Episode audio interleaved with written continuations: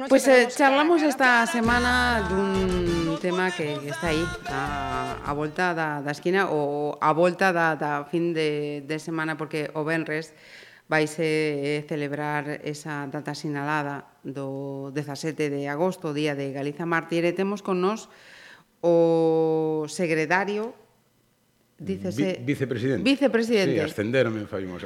Mira, esto, eh, comezamos ben, comezamos ben. Vicepresidente, uh -huh, entón, deles, efectivamente. Sí. Da Fundación Alexandre Bóveda, Valentín García Bóveda. Benvido. Hola, Marisa. Unha vez máis a estes micrófonos. Encantado, isto, isto estar mellor que na casa, que non me escoite moito Cris. E, e Antón, e Antón. con permiso dos ointes, eh, vamos, eh, agora, agora sí, agora xa le vas a mellor, non? agora, agora empezamos a vivir. Porque eh, lembro, lembro que a, a derradeira ocasión que estuvo aquí eh, Valentín foi nunha tertulia falando da paternidade. Ela aínda estaba a, a piques de ser eh, pai e agora, eh, 15 meses despois, eh, empeza a descansar. De feito, non falei moito nesa tertulia, así non me tiven que les decir tampouco. Escoitabas, ti escoitabas. sí, marchei acojonado. Pero ben, a experiencia... Fabulosa, fabulosa, mm. recomendadísima. Ajá. Sí, con esta sociedade de agora, os ritmos de agora, mm, complicada, pero... Pero, bueno, unha absoluta maravilla, vamos. Eh, mira, eh, eh, a boa, porque tamén eh, lembro que aquí ti, eh, tivemos a túa nai, mm, como, sí, como está a boa co, co Antón? Me encanta, la, está cos netos. Mm. As aboas e os netos é unha simbiosis. Unha mistura que, que nunca sí, falla. algo que, que non sabemos, hai algo aí que nos trascende os pais. Eh, Certamente. Eh, eh, Certamente. Eh, fan un boicot absoluto entre ambos os dous contra nós. Mm -hmm. o que fan eh, os netos e eh, os avós e os avós os netos... Eh, eh, algo vamos. Increíble. Mira, eh, falamos da, do, do calendario de, de actos que están preparados para, para conmemorar esa, esa data do Día de Galiza uh -huh. Mártir. Nesta ocasión, eh, Xosé María López de Guereño vai ser o, motivo, o motivo de, da, da homenaxe. Falanos de, desta de persoa, de José sí, Miguel López. Eh, decidimos na fundación, bueno, eh, eh encadrado no Día Galiza Mártir, fai 13 anos, eh, eh, ou un, incluso podíamos ir mudando a, o nome, eh, porque o día original xestouse en, no 42 no exilio por Castelaos exiliados como Día dos Mártires Galegos. Uh -huh E cecais deberíamos ir mudando tamén, é unha reflexión que temos que ir facendo, porque o facer en singular, Día da Galiza Mártires, a Galiza Mártir, uh eh, -huh. simplificamos en, en exceso cecais para o resto da sociedade, eh, en cambio, o Día dos Mártires Galegos, en plural, e xa Ajá. significa que efectivamente houve moitos mártires, cousa co que nos xa levamos loitando tempo dicindo, oye, o Día Galiza Mártir non se manexea a bóveda, uh -huh. concretamente. Froito desa querencia por, por dinamizarlo en pluralidade, eh, xurdeu fai 13 anos, este o 13 premio do, do Galiza Mártir a recuperación da memoria, eh, eh, yo demos a Xosé María López de Guereño como persoa, é dicir, como único vivo da directiva inicial que tivo a Fundación Alexandre Bóveda e, e, e do padroado fundador, ademais, da, da Fundación, da Fundación. Alexandre Bóveda. Uh -huh. eh, se os restos estiveran vivos, pois estarían tamén eles. Neste caso, pois o primeiro presidente foi eh, Manuel Beiras García uh -huh. eh, e o seguinte foi Fernando Quintela.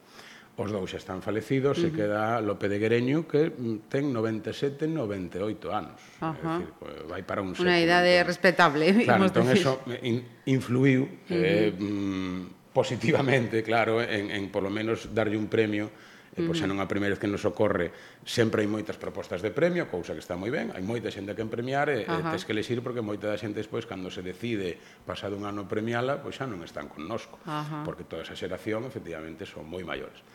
Eh, entón, Serima López de Greño eh, é representativo de esa, esa directiva inicial.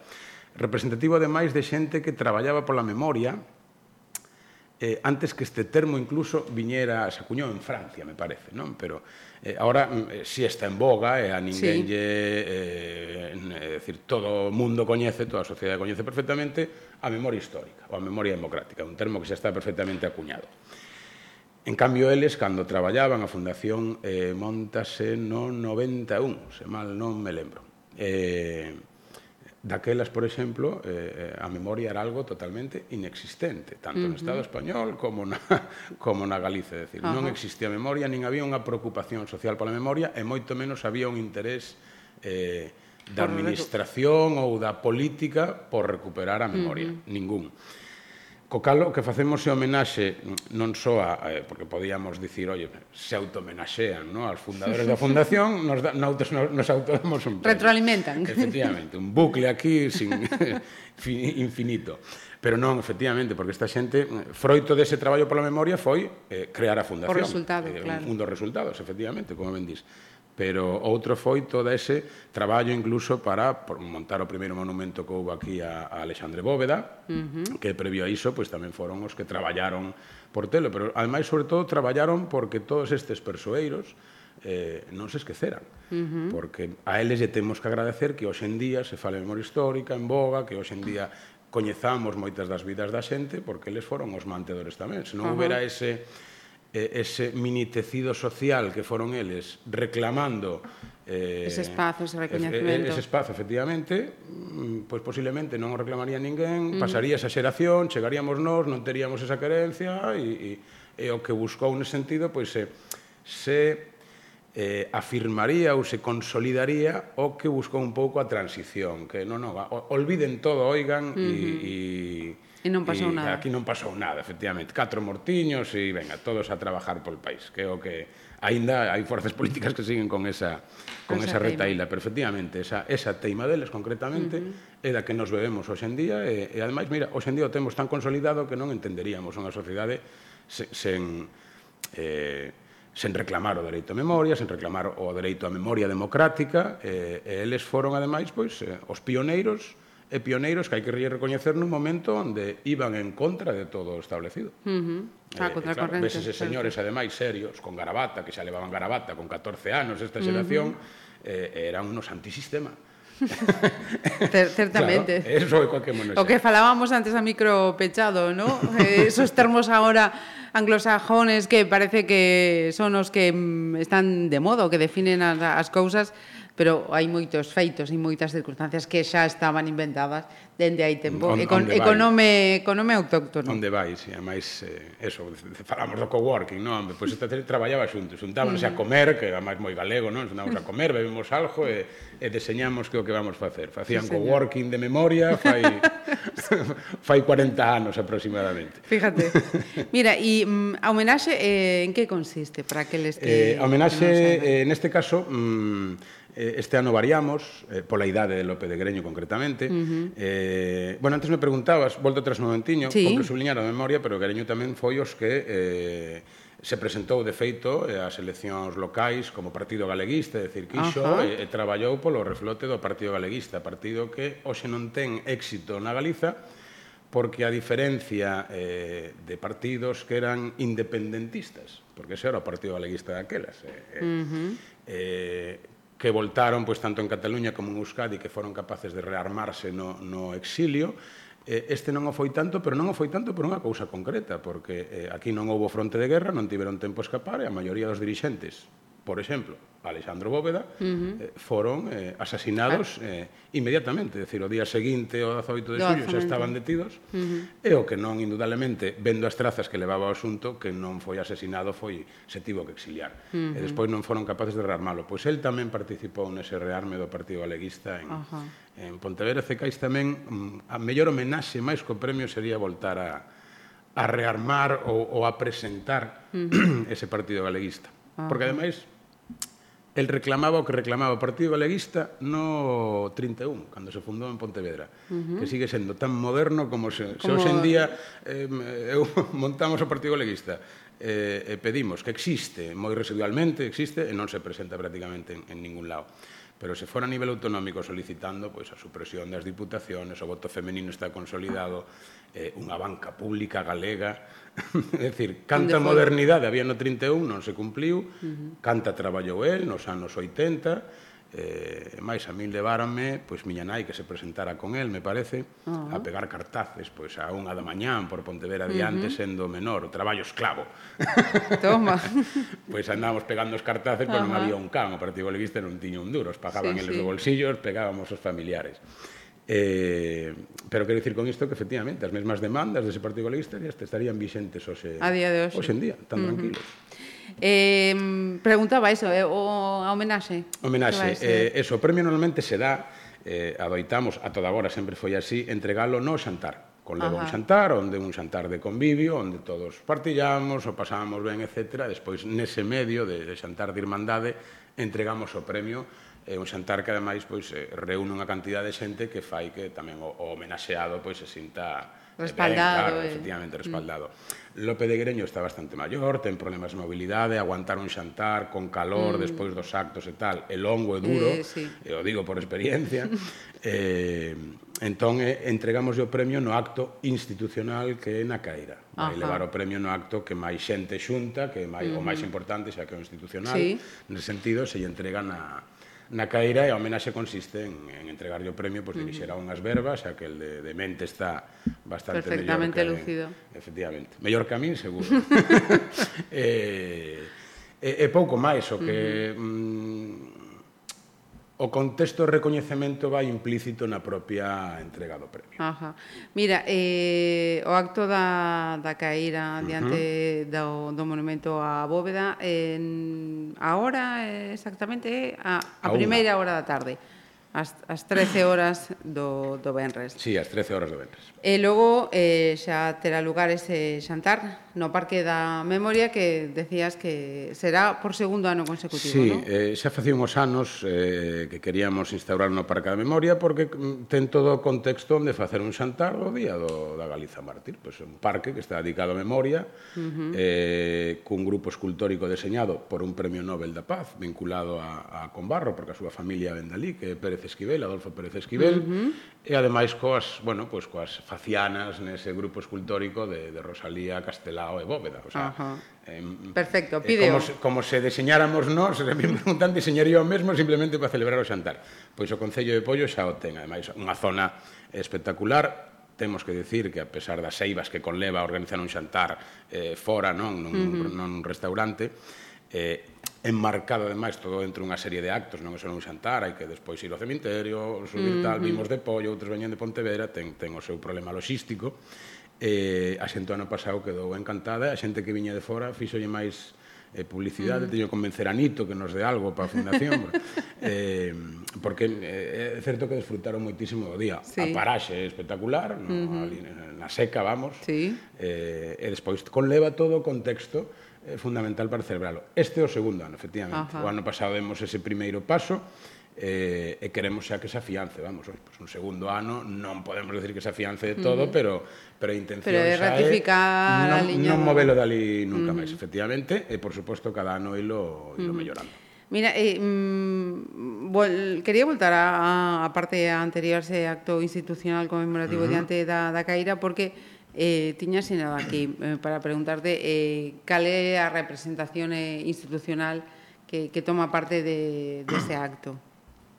Eh, ese acto conduce a Concelleira de Cultura de Pollo como representante do Concello que acolle o acto institucional e, eh, está organizado pola Fundación e o Concello de Pollo Hai que decir ademais que en Pollo festivo Uh -huh. Ese día eh, en honra do día 17 de agosto. Uh -huh. eh, nos da Fundación solicitáramos xa a varios concellos, a, prácticamente a todos los de Galicia, o que pasa que eh, solo nos movimos presencialmente na contorna nosa de Pontevedra, uh -huh pero foi enviado por rexistro como solicitude a institucionalización, é dicir, o apoio da, das institucións locais para a institucionalización do Día da Galiza Mártir. Uh -huh.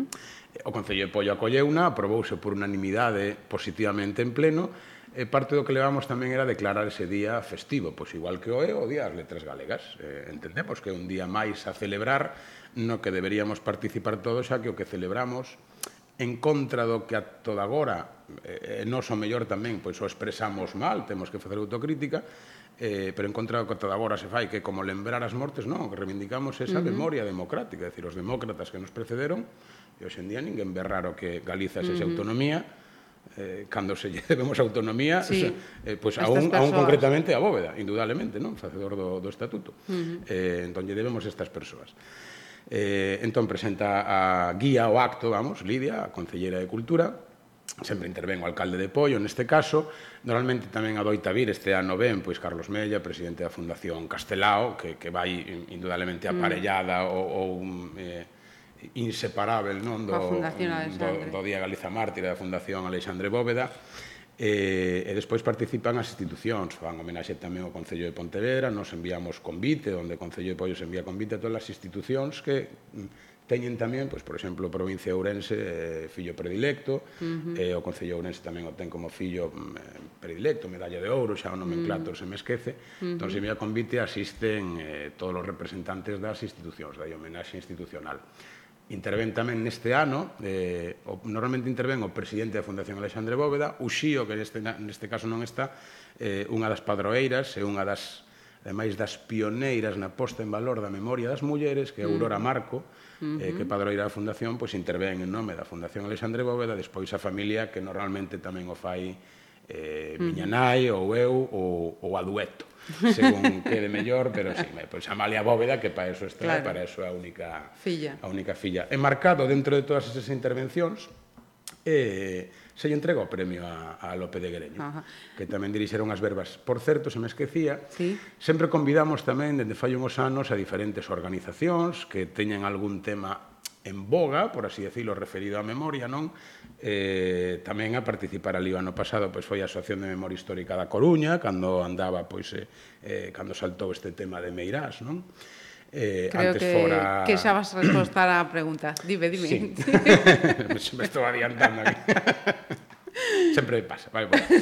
eh, que interveñen, claro, nas intervencións ou un grupo que son, e chaman os 19 meiras, non? Esta xente que ocupou... Explícame, explícame. Que ocupou o Pazo, pois un pouco tamén eh, polo mesmo contexto, é dicir, eh, esa ocupación con que mm, non todos eh, eh, estamos de acordo, é dicir, do xeito de facela, pero sí que reflite dun xeito tamén, é dicir, esa contraposición, e a máis agora é curioso, por exemplo, non eles ocupan eh, eh, pacíficamente, aínda cunha propiedade privada, eh, van ter un problema legal, presumiblemente máis por facelo, sabían o que se expoñían, entendo, pero ocupan unha propiedade que xa foi ocupada, uh -huh. porque eh, cando menos eles o fan pacíficamente, entrando de noite e con alevosía, non? Que non sei se a lei di esas cousas hoxe en día, pero, pero efectivamente como mostra de, olla, devolvan o que se ocupou, eh, uh -huh. eh, porque eso foi expoliado un xeito de máis, hoxe está perfectamente documentado, antes era unha lenda, o sea, máis hai unha publicación eh, fabulosa que o reflicte eh, esa ocupación eh, por coacción, violencia, etcétera, do, do Pazo de Meirás. Como Pazo de Meirás,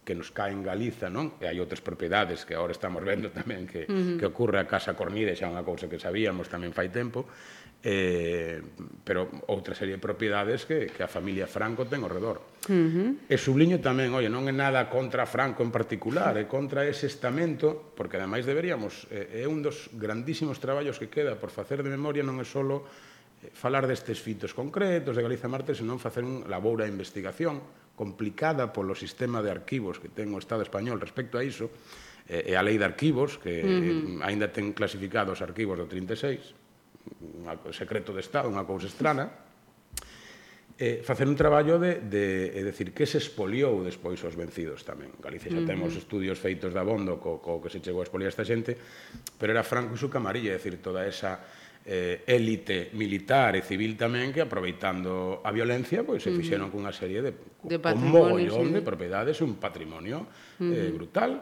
pero incluso empresas como eh, eh, pois, eh, bueno, Fenosa non sei concretamente. Había unha que, que había un informe tamén moi impactante dela, non me lembro exactamente, pero empresas públicas uh -huh. eh, que fixeron o traballo, é dicir, que fixeron a pasta, empresas que sobreviven hoxe en día, cotizan no IBEX, que realmente a rentabilidade desa empresa era que tiveron traballo esclavo dos republicanos durante mínimo 14 anos inicialmente. Uh -huh. eh, cousas que, por exemplo, a Volkswagen en Alemania ou a Philips tiveron que, que pagar unha serie de cartos por decir, bueno, en Alemania houbo, houbo esa depuración non? Eh, dos nazis, sí. onde dixeron, bueno, xa que se aproveitaron dese traballo colectivo, vostedes ahora pagan o Estado, non podemos eh, eh monetarizar Seguir... as persoas, pero sí o Estado, non? En, en sinal de desagravio, é eh, eh, xustamente mm. feito demais. Sí, sí, sí. Aquí eh, non, non se fixo, non creo que se chega a facer, pero estaría tamén moi ben. Pois un pouco os lecionados mirar representan eso, o valor que ten hoxendía seguir eh, reclamando que eso ten que ser okay, devolto. Justamente. Uh -huh. Claro, aquí eh, o, o caso español é moi diferente ao resto dos casos, non? Pois eh, pois Alemanha, Italia, incluso Portugal, que o temos aquí aladiño, viviron eh, parecidos, Argentina e Chile, moito máis uh -huh. modernos, vivironos perfectamente.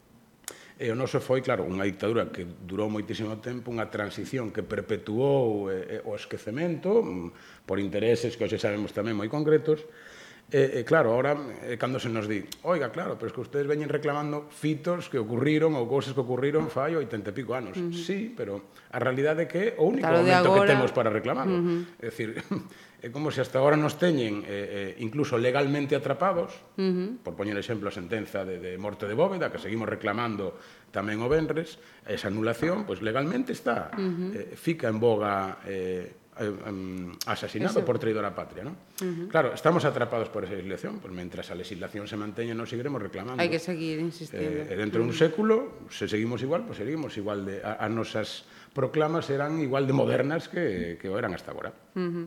Mira, eh, aclara entonces, eh, xa sabemos o de os 19 de, de Meirás, uh -huh. falamos dese Xantarno Parque na, da memoria, E lembramos eh, tamén eses actos que, como sempre, tamén haberá en, en Pontevedra. Sí, mira, no, no xantar, por exemplo, algo que se vai facer, claro, como o premio non se entrega no xantar, que se entrega en pollo, eh, asiste tamén pois como fillo do primeiro presidente da fundación e patrono que o é, pois José Manuel Beiras e tamén ven eh, Loliña que é a viúva de Fernando Quintela recibirán un facsímil eh, que editou no seu día a revista Murguía de Historia moi chulo sobre un cartaz eh, da campaña pro Estatuto de Autonomía, o ah. cartaz de, eh, de Vidarte un artista moi chulo e tal, pois o temos en marcadiño para agasallarlle ali para que tampouco perda o contexto de un agasallo Ajá. no que a recuperación da memoria, de, de recoñecemento uh -huh. eh, se refire, para que todos máis ou menos teñan o seu, xa que ademais non chega ali eh, López de Guereño. Despois seguimos, eh, eh, a xenda do Día Galiza Mártir é unha loucura para os que estamos prácticamente todo o día, Eh, despois hai unha misa, que é un dos actos mm, menos mm, publicitados, uns dos actos os que menos importancia se lle dá, un non son crente, eh, efectivamente, uh -huh. bueno, asisto eh, por organización, pero hai unha misa que se dá por Alexandro Bóveda. Non temos que esquecer que ele era un cristián acérrimo.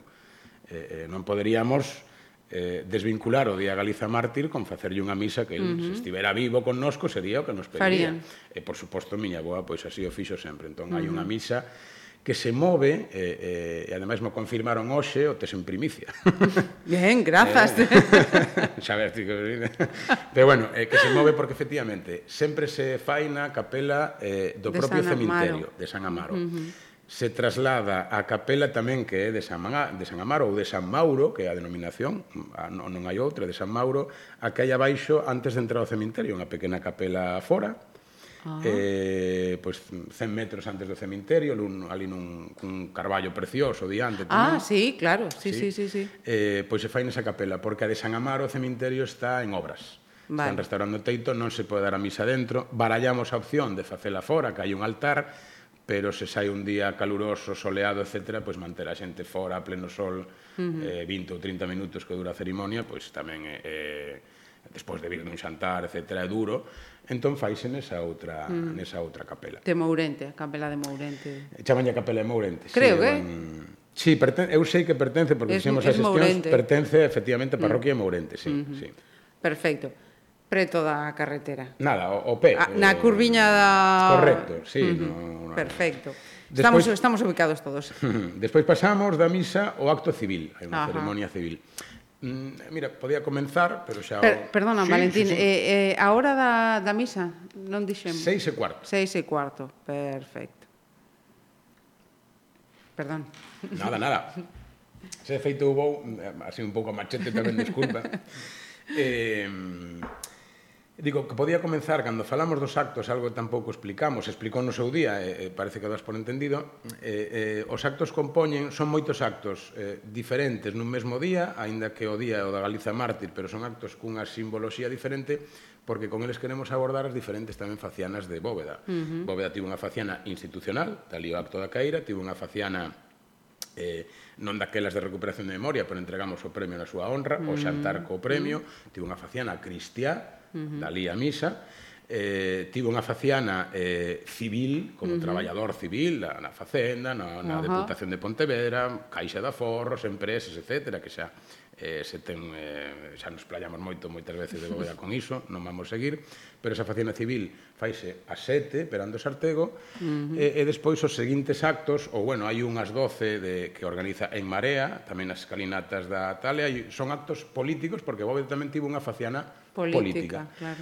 Se o Partido Galeguista tivera unha infraestructura enorme, pois podría estar celebrando unha, un acto político do seu fundador, mm, por mm. exemplo. Neste caso, pois mm, claro, nos como fundación tampouco intercedemos perante os partidos para que fagan ou desfagan. Cada un fai eh, o que entende que, que, ten que, facer. que debe facer sempre que sexa pois dentro da, da, da figura e da ética de Bóveda.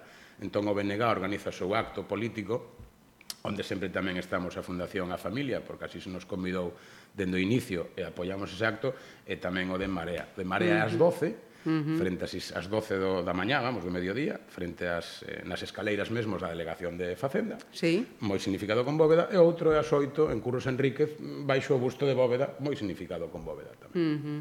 Entón abordamos cos actos todas as facianas de, de Bóveda. De Bóveda. Eh, tería outra artística que a do coral polifónica, pero que non dá tempo a meter ningunha canción máis nese día. Para vindeiros anos, pois pechar algún concerto. Eh, eh... Sí, eh, sí, o ideal sería, efectivamente, uh -huh. pois un concerto de pecho, algo así. Uh -huh. Pero, bueno, son actos, claro, para... Be verase co tempo, pouco a pouco. Sí, aí hai moito que traballar aí. ¿no? Mira, eh, a pregunta máis, eh, non sei se complexa, pero sen dúbida máis persoal para para a familia, cal é o sentimento ou sentimentos cos que que vivís esta esta data. Eh, son encontrados, sempre nos vemos na mesma situación. Hombre, eu mm, por suposto que non podo sentir o mesmo que miña nai porque mm. non vivín o mesmo que miña nai, e miña nai non viveu o mesmo que a súa nai. Eh, quero dicir con isto que ao final tamén os eh, eh, a realidade que te enfrentas depende eh, do teu pasado, dai sí. tamén a memoria, non? E, eh, o que viviches fai que teñas certos una sentimentos. Perspectiva ou outra. Claro, teño claro. unha perspectiva dos actos moito máis positiva, reivindicativa, incluso alegre, aínda que hai un trasfondo eh, triste, me emociona, estou falando contigo, de decir, oye, pois pues, non tiven avó, miña nai non tivo mm. seu pai, etcétera para miña nai un día duro, mm. é un día ledo, ao mesmo tempo que sí. se ve moi acompañada cada claro. ano máis, é dicir, xa é un acto moi público onde onde se recibe tamén esa ledicia xente, os saúdos, etc., pero non deixa de ser un día tamén mm.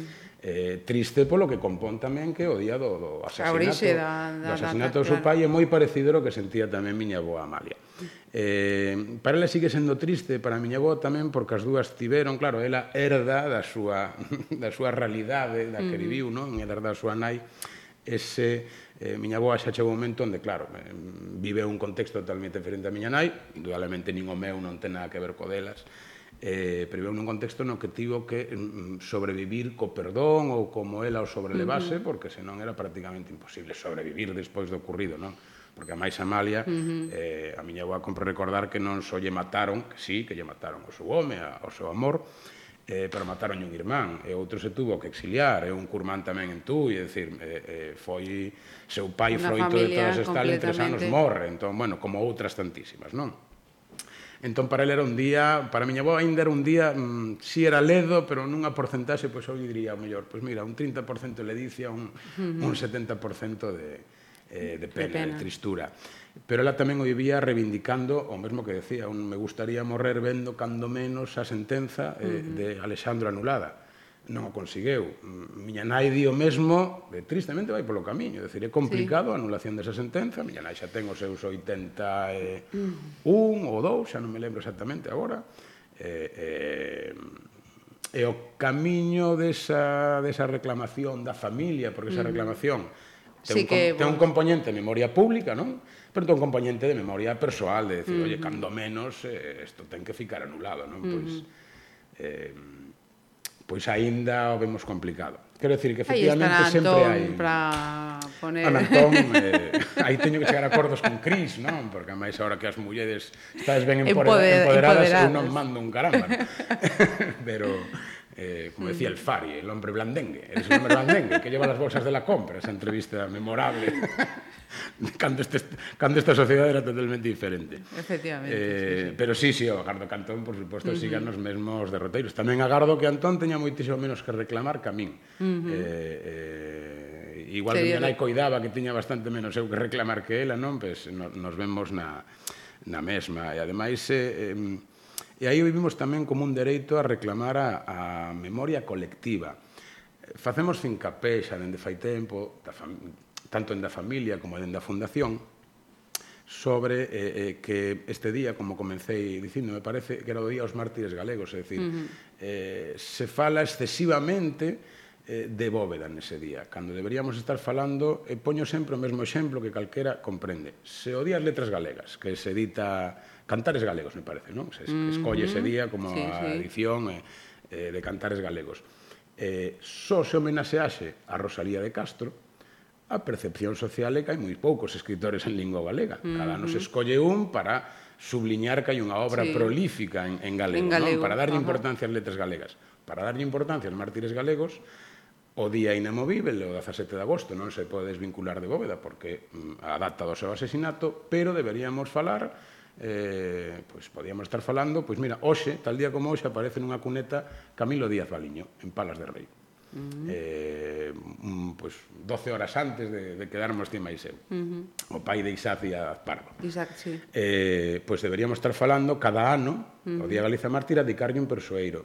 Porque a máis importantísimo, eh, eh, aquí nos centramos no Día Galiza Mártir, no martirio, na morte, e, e a morte en sí non é un valor que poidamos extrapolar á sociedade. Morrer asasinado non é un valor, é, en todo caso, un valor é que fixeches en vida para chegar a ese final cando uns golpistas mm. eh, pois ese é o nexo que teñen esas vidas. Canto construíron para que unhos señores se empeñasen tanto en asasinalos. En acabar. Mm. Eh, entón, ese o nexo temos que traballar. E eh, ese o nexo que debería, tra ou ese nexo, esa amplitude na que deberíamos conmemorar eh, o Día de Galiza Mártir.